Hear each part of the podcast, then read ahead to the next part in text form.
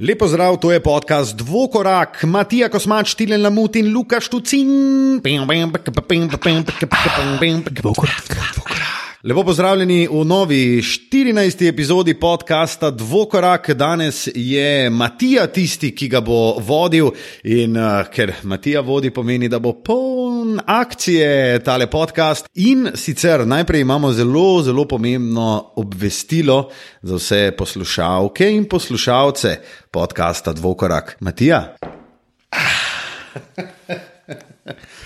Ja, najprej se bom naslonil na tvoje začetne besede. Ne bo le podcast tisti, ki bo poln akcije, tudi nad stropje nad Luko na Koroški ulici bo polno akcije. Namreč z Luko smo se malce pred, preden smo začeli tole snemati, sedla ven na vrt, spila eno pivo in se pogovorila, o čem bomo danes govorili. In v tistem trenutku je na plano stopilo kar nekaj korošcev, ta, ja, nekje do osem sem jih naštel. In štajrce. tudi nekaj štajrcev, ki so se podali v štuk više od Luke Štucina in že bobnijo, bobni strop stanovanja tule na Koroški ulici, tako da se uveta prava koroška gauda. Uh, mislim, da to mislim, ne bi bilo nič problematično, če ne bi imel po noči ob 2. uri in 30 prenos pete tekme vzhodno-konferenčnega finala med Torontom in Milwaukeejem. Ja, ne, če jaz predlagam, da se jim kar pridružiš, verjetno bo tako najlažji. Ampak gremo k uh, tisti zelo pomembni novici. In ta novica je, da bomo prihodnji teden spet snemali podcast v živo in sicer pri Grozbasketu v trgovini Grozbasket. In tokrat bomo snemali živo publiko, tako da vsi tisti naši največji privrženci, uh, tisti, ki bi nas radi spoznali, z nami vrgli kakšno proti obroču in spoznali tudi Cirila Komotarja, pa na koncu spili kakšno pivo. Vabljeni v Grozbasket, kmalo bo znano, uh, oziroma bo javno oznanjen tudi prijavni obrazec, kamor se morate prijaviti, tako da lahko to gručo, to množico nekako nadziramo, ker je mesta so omejena in jih je tam nekje 40. Odpira se tudi vprašanje varnosti. ja, varnostna služba še ni določena, še izbiramo, potrebujemo tri ponudbe. No, ja, gremo, gremo kar začeli bomo kot ponavadi s haterskim kotičkom. In fanta, upam, da sta pripravljena, Luka, sodeč po pogledu, ki mi ga je namenil, namreč z Luko snemava skupaj na Koroški ulici, medtem ko je Tilen na, uh, dislociran v svojem domu. Uh, Luka očitno ni pripravljen, pa da imamo Tilno besedo.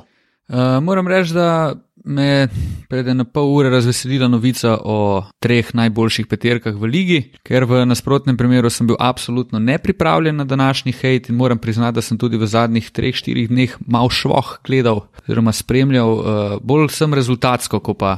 Kaj bolj konkretno tekme. Ampak ja, zdaj, ko sem pogledal te tri peterke, me je najprej zmotilo to, da je Lebron James šele v tretji, Po me je pa še bolj zmotilo to, da je Kyrie Irving v drugi. Zdaj, če mi zna kdo razložiti, da je Kyrie Irving v drugi peterki lige, naprimer LeBron James pa v tretji, pa to, da LeBron James je v tretji, mogoče na, na določeni točki še razumem.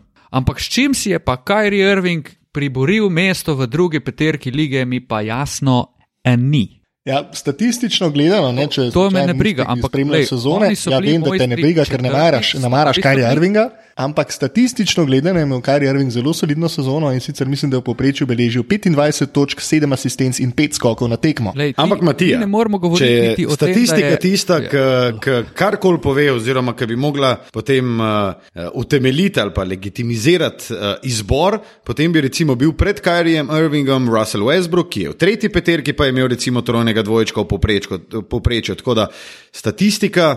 Mislim, da to, kar je Kyrie Irving v tej sezoni pokazal, je mogoče za v peto, šesto peterko, zagotovo pa ne v drugo. Tudi po mojem mnenju, tako da se tilno pridružujem v tem hate kotičku, čeprav imam tudi svojega. No, LeBron James, statistike letošnje sezone: 27 točk, 8,5 skoka in 8,3 asistence. Ko smo ravno končana pri... sezona, tam nekje zgodaj. Ja, no, lepo zdrav, pa... LeBron James je v Cancunu. Lej, mojster, lej, mojster, Kyrie Irving ni imel, ok, mogoče je imel individualno solidne cifre, ampak ni bilo niti ekipnih rezultatov, ni bila niti dobra klima v ekipi in res ne vem, komu je plačal, da je on v drugi peterki lige. Jaz sem tako rekel, da je on precenjen in to napune bombe. Luka hvala, Luka, hvala, da se strinjaš z mano, sicer redkost, ampak ko se pa najdeva, se pa res strinjava. Ne imamo pa Westbrooka v drugo peterko, ne? Ajde, naj, dej, najprej ne povem vse tri peterke.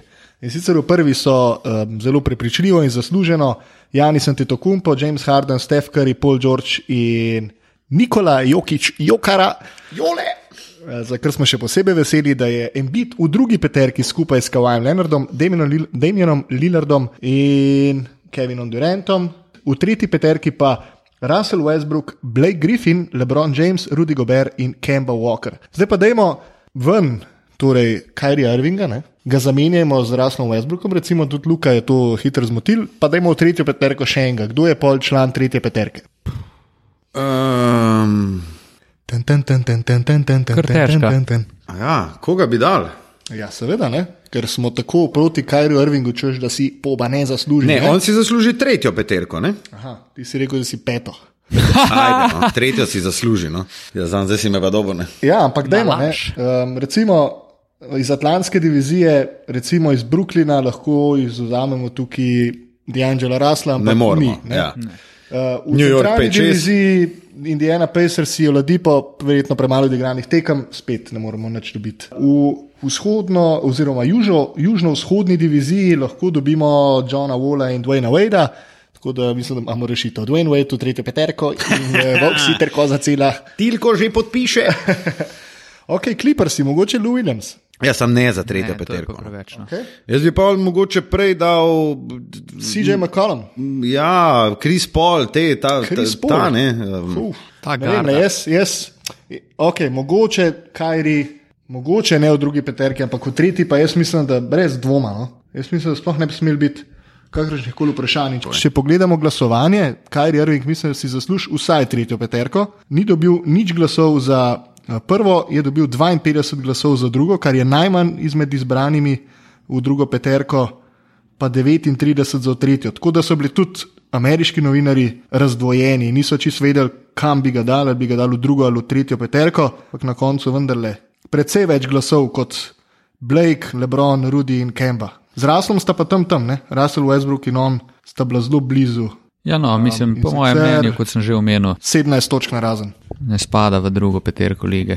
Ja, ampak ti mislim, da si zelo, zelo eh, osebno tole, oziroma zelo, zelo subjektivno ocenil. A nismo zato tukaj. Ja, res je, res je. A, okay. Um, Noč, preselimo se. Wow. wow, wow, wow, wow, wow. Wawawiwa. Preselimo se iz hejtkotička Tina Lamuta na hejtkotiček, na hejtkotiček Luka Štucina, ki je ravno kar eh, izpil in skoraj da izpljunil korono, serveso, masfino. Ja. Ampak um, moj hejtkotiček se bo navezval še na branje komentarjev, tako da prosim, Matija, da, uh, da kar ti udariš hejtkotiček. Ki ga nimaš. Če, škoda, ker niste tega videli, ker Matija je skomignil z rameni in, in rekel: pač ne, tole ne bo šlo.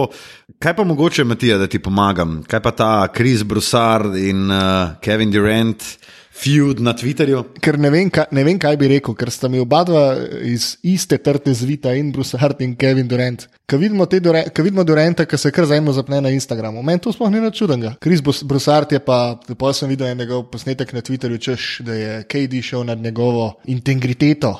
Pa da je, prosim te, Kris Brusart, če ste ga kdaj poslušali, no, potem veste, da je. Mislim, to je pa res senik enih uh, mnen, ki niso vredna prebite pare. Ker smo ravno pri Seniku. Nekdo, ne? Nekdo. In eh, to bo zdaj lep um, segway v nasleden, no, naslednjo, dokaj stalno rubriko, ki jo imamo na našem podkastu, in to je branje komentarjev na Apple Podcasts, eh, branje ocen in tako naprej. In sicer ocene tistih, ki ste komentirali, super, več ali manj eh, vse petica, se je pa našel en junak, ne? ki nam je zašolal enico. In sicer nam je dal eno oceno, ampak recimo zanj sem poslušal um, opazovalnico, ne, Tomketa pa Gorleta. Ne, in Gorler je imel prav, prav ne. On je rekel, en ko daš izključno samo iz žlehta. Mislim, kaj je ena, kaj je ena zvezdica? To mora biti, mislim, to je huj, kot da bockaš pod reko, pa se še malo namaž, namažeš po fiki, pa eh, malo sem zašel, ampak to je, mislim, če bi take stvari govoril, kot sem jih zdaj, to je za enko. In to eno uro vsak teden. Ne, pa da, dobro, no, Ja, pa stari. ja, ke- kolega je kaj obrazložil zadevo. Ne, No, dobro, to je pa res slabo. Ne, en je preleto noter, stisnil en koš, se odjavil iz tega life in šel. Ne? Ne, nakle, sam da je posral. Sam da je posral, sam da je posral, kurče, ni, pardon, sam da je posral Apple podcaste in to je to. Sam da nam, nam po dvokorak piše ena zvezdica. Do, upam, A, da ja, ja. zadovoljen. Upam, da si zadovoljen sam s sabo. Mi, nas je poklical Gross Basket, naslednji teden snemamo uh, s komotarjem, na epizodo dobimo 500 evrov, tako da si lahko to eno zvezdico pretegneš v kako. Pardon, zdaj pa neham. To, to je bil pa zdaj ultimativni hate kotiček tega podcasta. Oh, shit. Ultimativni hate kotiček tega life je bil to. no. Ultimativni hate kotiček hate kotičkov. Ja. Uh, v glavnem, uh, jaz ne vem, se delno, deloma strinjam z Luko.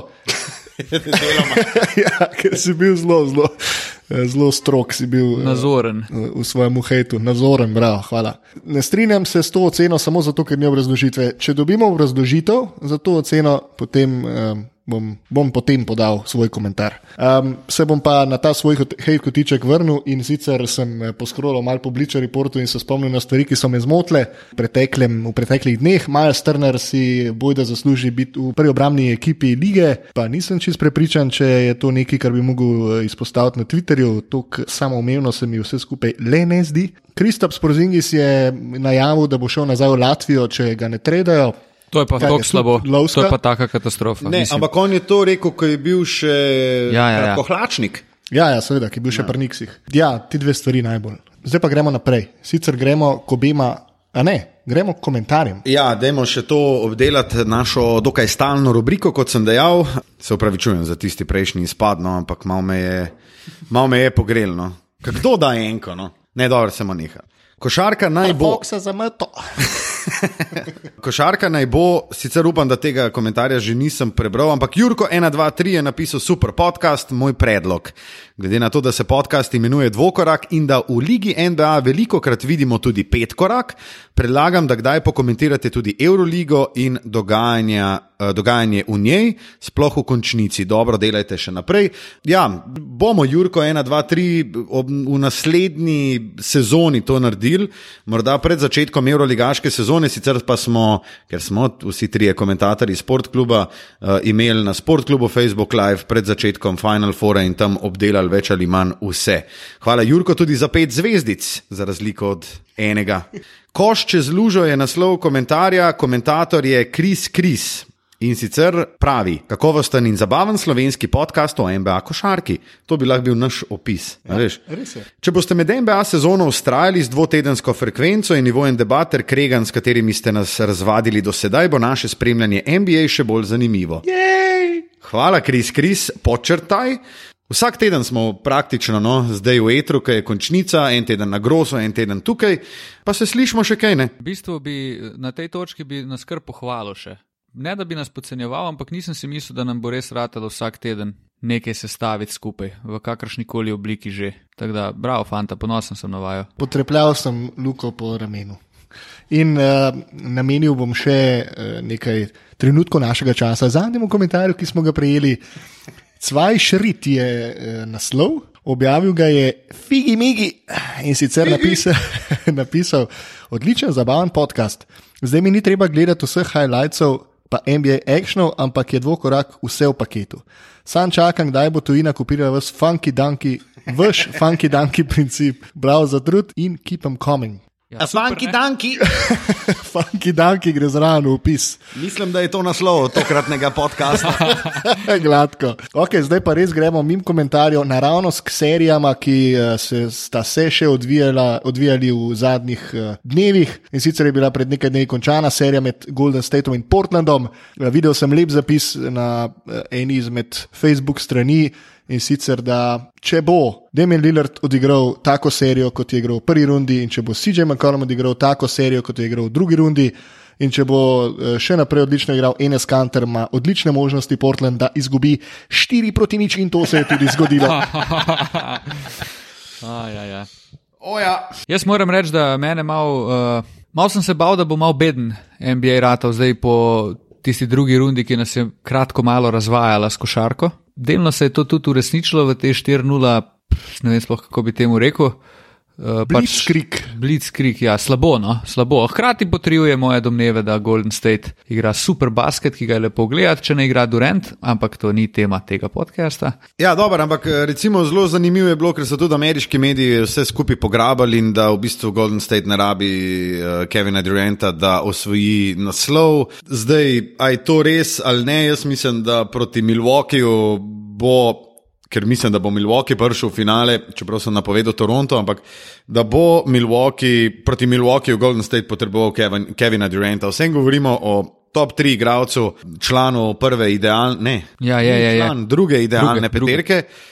Uh, druge, ja, ampak gre za, gre za res basketaša, ki ti je v bistvu zadnje dva prsta na prnesu z dvema res klač trojkama, pomnimo v obeh primerih proti Clevelandu.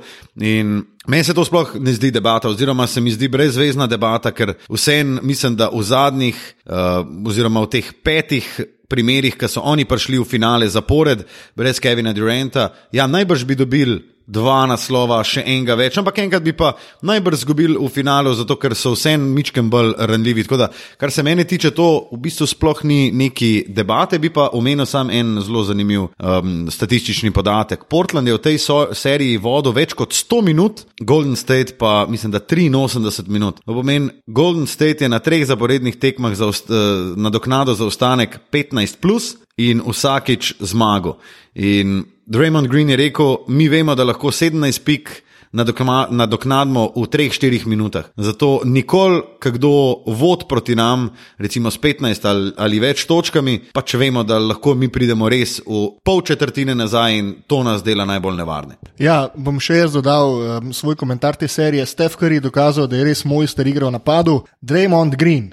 Zanj smo se pogovarjali, kdo je bolj pomemben za ekipo koliko izuzamemo Kevina Duranta, je to Steph Curry ali je to Draymond Green. In v tej seriji se je videl, kaj res pomeni Draymond Green Golden State. Res jim da eno dimenzijo, ki je nima nobena ekipa v ligi s svojim playmakingom, svojo obrambo, eh, svojim hypom, svojo osebnostjo, res full, full me je spet navdušil. Zdi se mi, da je malo bolj ekspresiven, kot ni Kevina, no? ali pa da ima to priložnost biti bolj ekspresiven. Hkrati pa še ena stvar, mislim, da je bila druga tekma, ko so prvič visoko zaostajali, košarkari Golden State.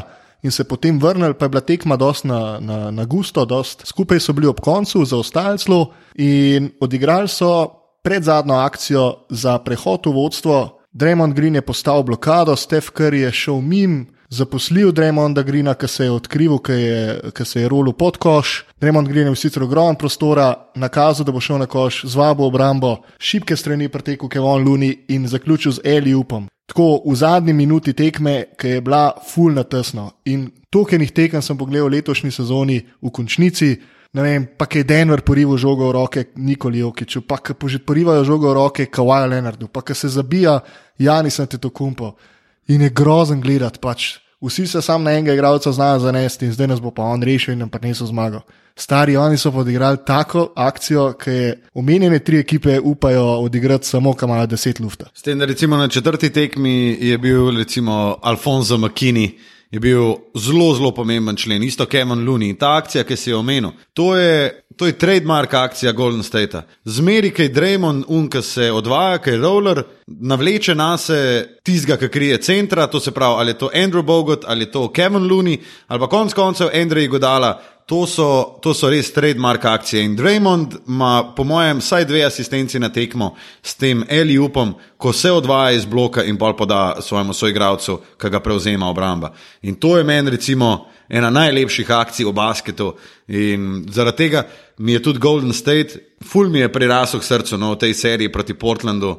Ne samo zato, ker so zmagali 4-0, pa je to pomenilo, da mi ni treba več vsak dan ostajati, pa iti komentirati, ampak tudi zaradi tega, ker so igrali res, res lep basket. Ne, Golden State je pač res igrajo hud basket in jih je lepo gledati. To, kar si pa rekel, Matija, za, za Draymonda, ko, ko ni Dorenta, Dorent je pač igralec, ki full rabi žogo. Ne? In dejstvo je, da ko on pride v ekipo, gre velik procent žoge k njemu in zaradi tega. Ne sem Draymond Green, ampak če me vprašaš, tudi Steph, pa Klej, niso Oni pravi, Steph, Clay pa Draymond, ki smo jih navajeni drugače.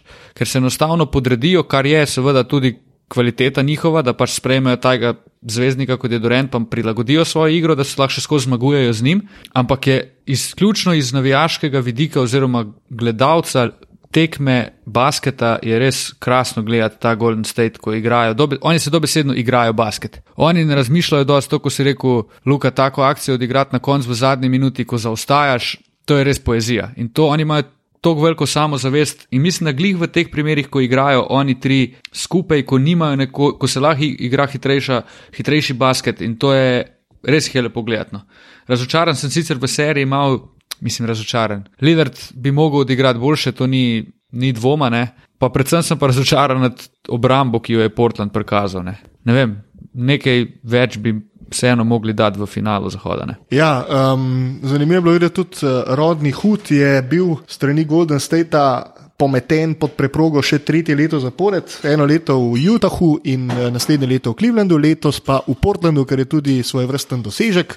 Zdaj pa gremo še na vzhod, Eh, Portland bi res mogel pokazati, več se strinjam, ampak težko bomo mi zdaj tukaj ugotovili, kaj to je, ker se mi zdi, da so nekako v tej eh, končnici dosegli svoj limit. To pa res. Na vzhodu je zelo zanimivo še ta trenutek, rezultat je zdaj proti dveh seriji med Torontom in Milwaukeeem. Obe ekipi sta svoje delo 100-odstotno dobro opravili na domačem parketu, kar obeta sedem tekem zaenkrat. Na prvih dveh tekmah je Milwaukee izgledal, kot da bo dobil to serijo precej prepričljivo. Jaz sem pričakoval, da bo v tem trenutku 3 proti 1, recimo za Milwaukee, ampak je izpostavil bom pri Torontu Normana Pavla pa Marka Gasola. Mislim, da sta to igralca, ki sta v Uh, dveh tekmah doma, res pokazala svojo vrednost. Pavel igra vrhunsko, verjetno en, mogoče celo najboljši basket svoje kariere.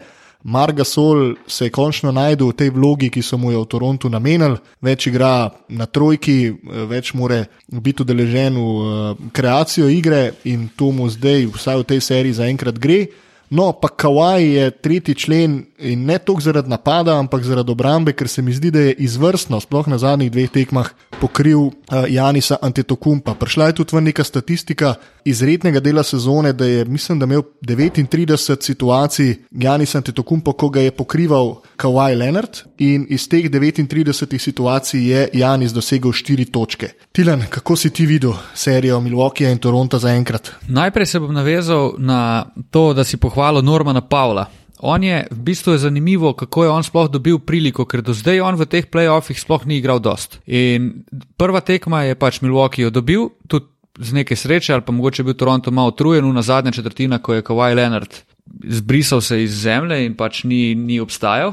Tu bi mogoče omenil, da me zanima, kaj bi se zgodilo, če bi se to zgodilo Lebronu Jamesu, če bi res to tako under the radar šlo mimo. Ampak ok, Norman Powell na drugi tekmi je Toronto dobil po kanti konkretno od prvega napada, ko je Janis zabil, pa prve obrambe, ko je Janis blokiral Gasola. Od takrat dalje je pač Toronto bil neprepoznaven, vsi so odigrali slabo, razen Norman Powell, ki je bil drugi strelc iz klopi. In je prvič dobil priložnost, ampak točno se je videlo, da je na tej tekmi, ki sem jo komentiral, Nick Nurse ni vedel, ni imel pojma, kaj bi naredil, in pa si je rekel: Ok, pač bom ga dal noter, pa naj dobi malo več minut. In Norman Powell je bil mogoče celo najbolj pozitivna stvar te druge tekme, kar se je na koncu zdaj izkazalo, da dolgoročno ful dobro.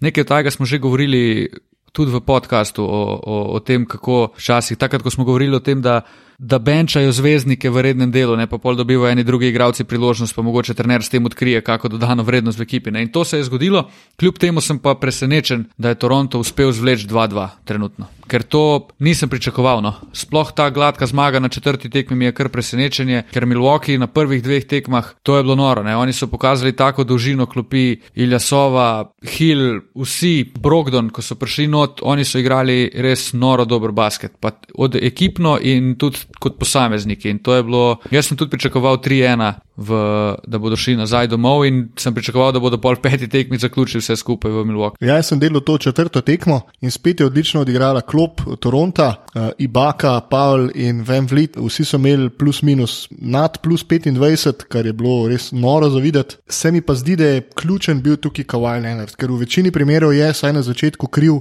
Janis Antetokum pa tudi zato, da Kawaj ostane spočit, Pascal Sijakam. No, zdaj, ki jim je pa začela mal voda teči v grlo, je pa prevzel Kawaj Leonard Janis Antetokum in na četrti tekmi bilo isto. Na začetku ga je imel Pascal in mu je Janis dal par lahkih košev, prišel tako zelo na hitro do 12 točk, pol ga je prevzel pa Kawaii in zdi se na trenutke, kot da se je Janis zaletaval v zid in res, res. Um, Vidimo še enkrat znova, kakšen, kakšen mojster obrambe je Kowal Leonard. No, jaz sem v delu, recimo, tretja tekma, edina, ki se je končala po dveh podaljških, kar sem eh, bil presrečen. Ampak eh, jaz, recimo, ena stvar, ki sem jo opazil pri Milwaukeeju, je, da so, kako se čudno sliši, full odvisni od Malkoma Brogdona.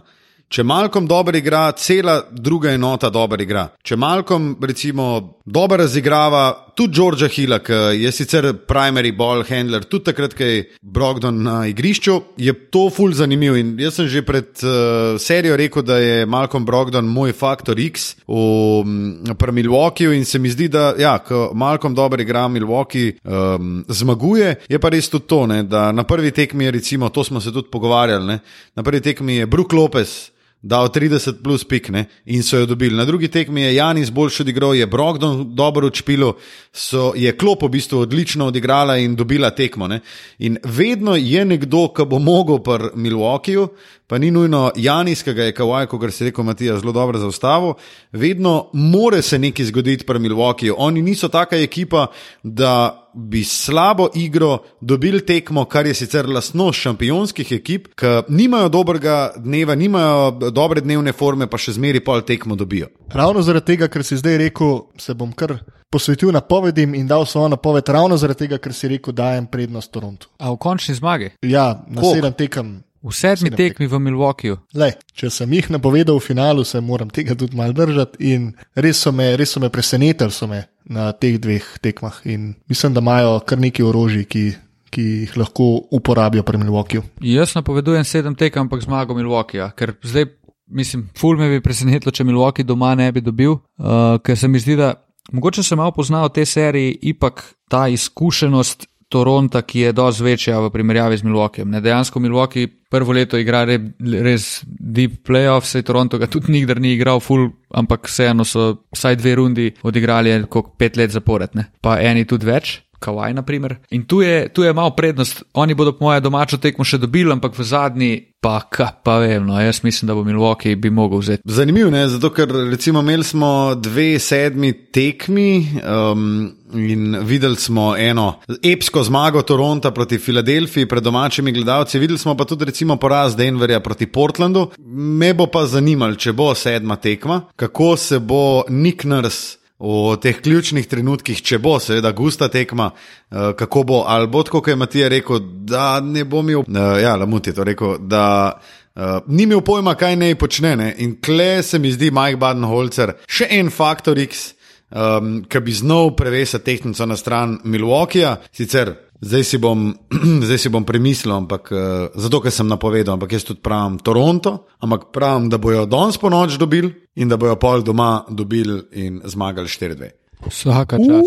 Vsaka čas. Se pravi, štiri tekme zapore, da bodo ubodli. O ja, tako kot recimo, čak, kdo je že to naredil? Milwaukee ja. proti tvojemu Bostonu. A ja, a ja, O, okay, ja. okay. Boston nam med tem ne bo v finalu, ne? kot je napovedal naš kolega To je res. Ej, ampak eh, zdaj še eno stvar. Eh, V bistvu prej, mogoče je zvenelo, ko sem rekel, da Nick Nurse ni imel pojma, kaj, kaj dela oziroma kaj naj naredi. To ni bilo nujno uh, mišljeno v smislu, da je on slabo vodil tekmo, ampak dejansko on je marsikaj probo, ampak enostavno v uni tekmi ni mogel čist nič pogrunta, da bi kakorkoli ogrozil zmago.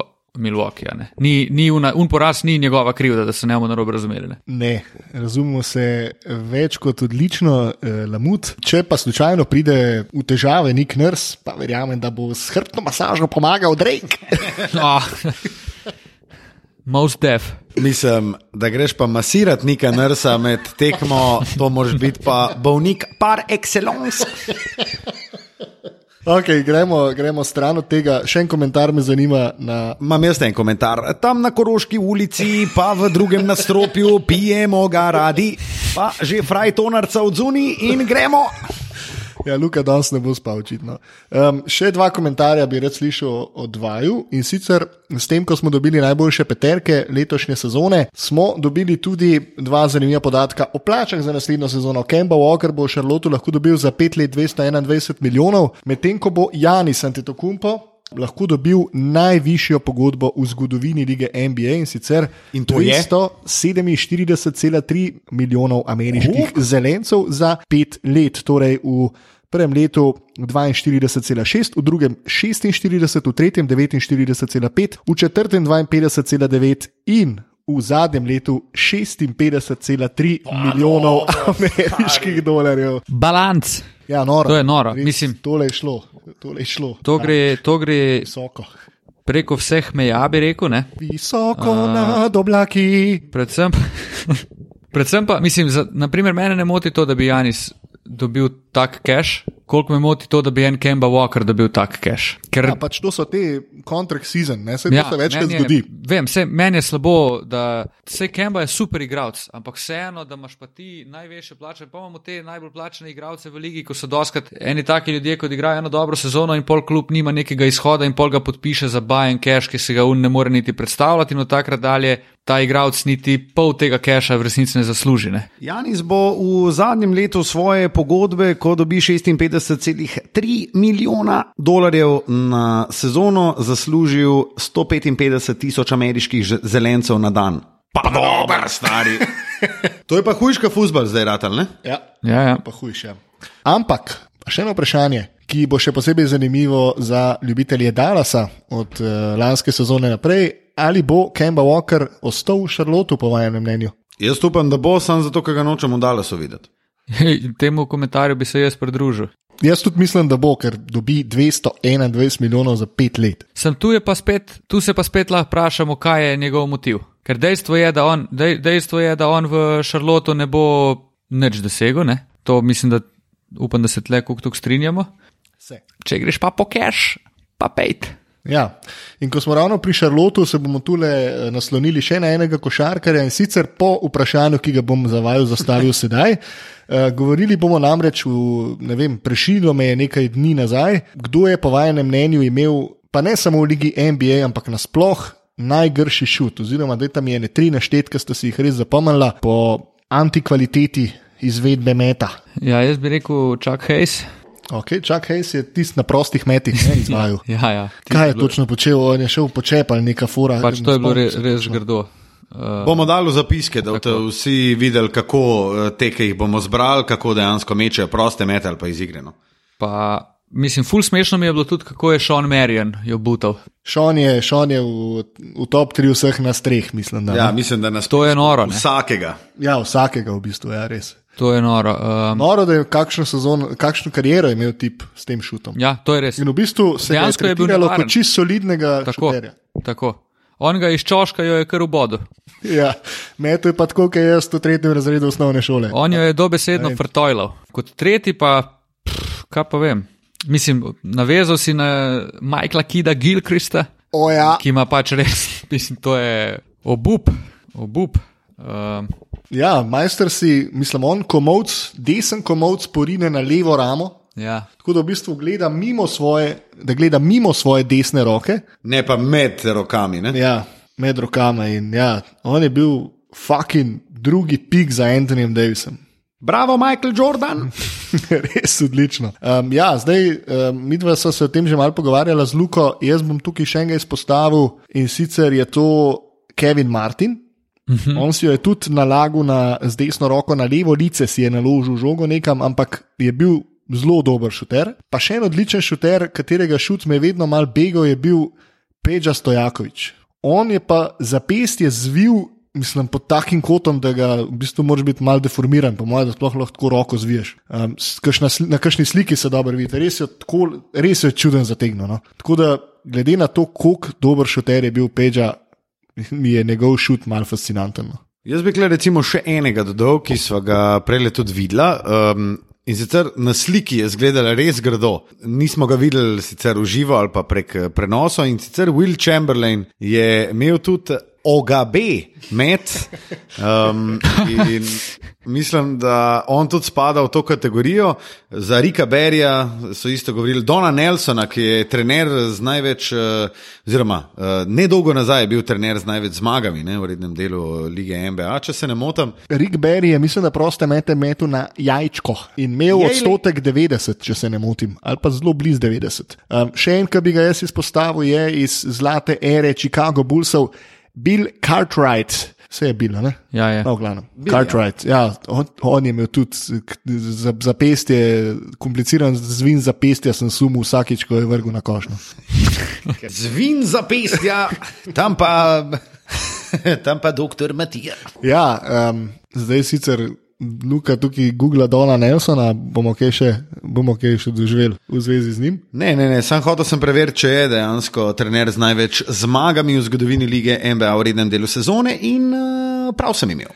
Čestitke, Luka. Um, zdaj pa bi jaz s tem naš podcast za danes zaključil. Še enkrat povabil vse, da se nam pridružijo naslednji teden v Gross Basketu. Na kero, kakšen je datum te srede? 30. Okrogli 30. Ne, Ne. 29. 29. 29. maj je datum, ki si ga z zlatimi črkami zapišite v vaš koledarček in se oglasite v Gross Basketu. Ob 20 nič nič pričnemo, bo pa k malu na naših socialnih omre- omrežjih tudi link do obrazca, kjer se prijavite za obisk, tako da si zagotovite svoje mesto, ker so mesta omejena in ker pričakujemo res množico, množico ljubiteljev košarke. mi trije, pa komič. Pride tudi Ciril Komotar, ki je odličen poznavalec košarke s katerim smo že snemali in delali in je res. Um, Mislim, da nas kar malo preseneča, vedno znova. Na zadnje nas je presenetil z Antonijem Magdajsem, pa poglejmo, kaj bo prinesel v Gross Basket prihodnji teden. Eh, Sicer pa, ker že izpostavljam naša socialna omrežja, eh, pa da ta fanta mal povedati, kje se vaju najde. Lukaš oci na Instagramu, Twitterju in Facebooku se vidimo. Tirana mut na Facebooku, Instagramu in Twitterju. Prav tako v iskalniku lahko pišete Matija Kosmač in me najdete na Instagramu, Twitterju in Facebooku. Preferiram pa eh, Instagram, medtem ko sta fanta zelo, zelo in to moram pohvaliti, odzivna tudi na Twitterju. Kjer nas pa lahko kontaktirate preko ključnika oziroma hashtaga Dvokorak, tam smo se družili in za naslednjo epizodo uh, že zbiramo vprašanja, nekaj smo jih že nabrali, oziroma kar eh, kopico njih. In uh, ja, hashtag Dvokorak na Twitterju, pa bomo v naslednji epizodi odgovorili na vsa vprašanja. Zdaj pa Tilen in Luka, če mi dovolite, bi se kar jaz poslal za nas tri od tega podcasta. In sicer me je zaigralo mi je srce, ko sem zadnjič odprl Twitter, kar se zgodi zelo redko, in videl, da grejo eni fantje na Giro d'Italia s prav posebnimi majicami, na katerih pa je zapisan naslednji slogan spodaj: Zero, zero. In danes za slovo zgoraj, lepo v italijanskih barvah piše: Pizza, pasta, vino.